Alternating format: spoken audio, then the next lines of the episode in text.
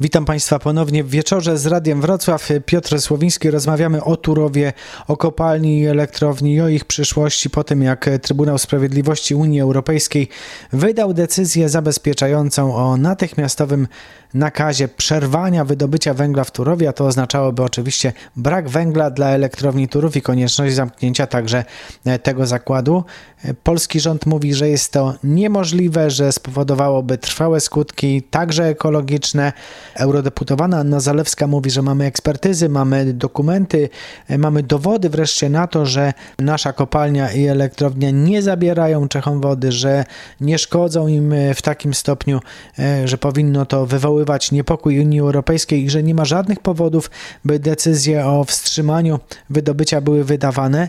Tym niemniej wydane zostały. Opozycyjna posłanka Zofia Czernow mówi, że nie bez znaczenia było tu wydanie koncesji na wydobywanie węgla do 2044 roku, czyli do końca e, złoża w Turowie, e, w tym samym czasie, w którym trwał proces o ustalenie tego, czy ta kopalnia szkodzi, czy nie szkodzi Czechom, no i że to mogło wywołać niepokój Trybunału Sprawiedliwości. Przecież wiadomo było, że Czesi się protestowali, później składali wnioski do Komisji Europejskiej, a następnie to TSUE. To nie nastąpiło z dnia na dzień. I no ja, jest mi naprawdę ogromnie przykro i żal, że rząd tak to bagatelizował.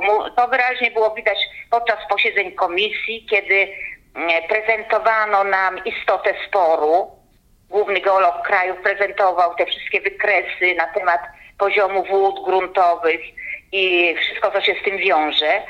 I było wiele pytań. Ja sama pytałam o nową koncesję, której wtedy jeszcze nie było.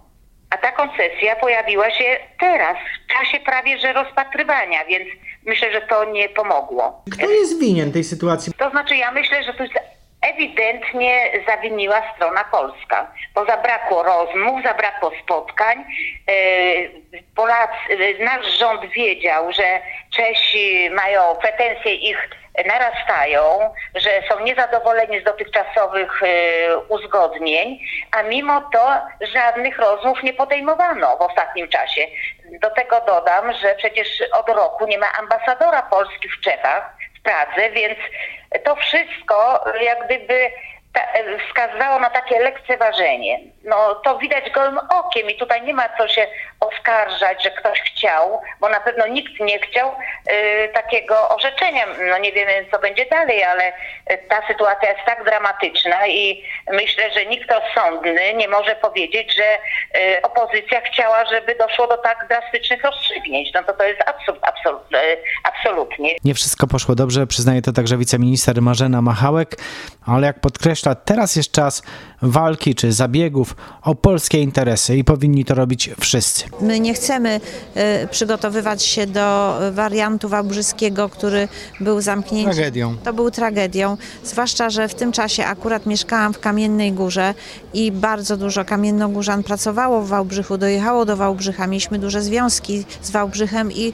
y, obserwowaliśmy umieranie miasta pod wpływem błędnych, radykalnych decyzji w stosunku do kopalni. Pamiętamy tam bieda szyby, wypadki. Na szczęście dzisiaj Wałbrzych odżywa, y, rozwija się, ale myślę, że tą traumę wałbrzyską będziemy pamiętać i, i, i nie chcemy, żeby to, to się działo. I to e, generalnie cała ta afera to też będzie paliwo dla eurosceptyków, dla przeciwników Unii Europejskiej, którzy powiedzą, zobaczcie w jakich my jesteśmy organizacji. Panie redaktorze, no właśnie i to mnie bardzo zmartwiło, bo my jako Prawo i Sprawiedliwość, jako praktycznie członek od początku powstania Prawa i Sprawiedliwości, partii Prawo i Sprawiedliwość zawsze byliśmy eurorealistami. Uważaliśmy, że silna Polska y, w mocnej Europie i tak to widzieliśmy. I szkoda, że takie rzeczy się dzieją.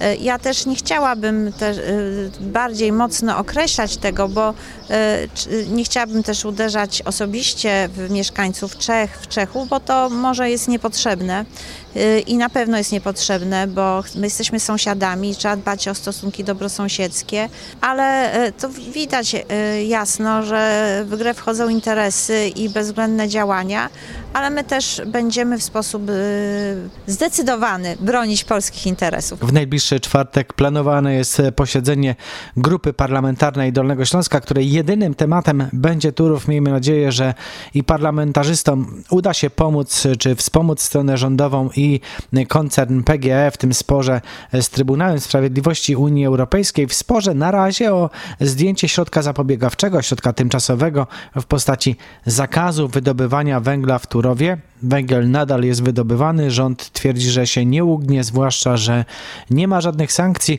No ale jak wiadomo, mogą się jakieś sankcje e, pojawić albo narzędzia do przekonywania. Do rozmowy o Turowie wrócimy za kilka minut.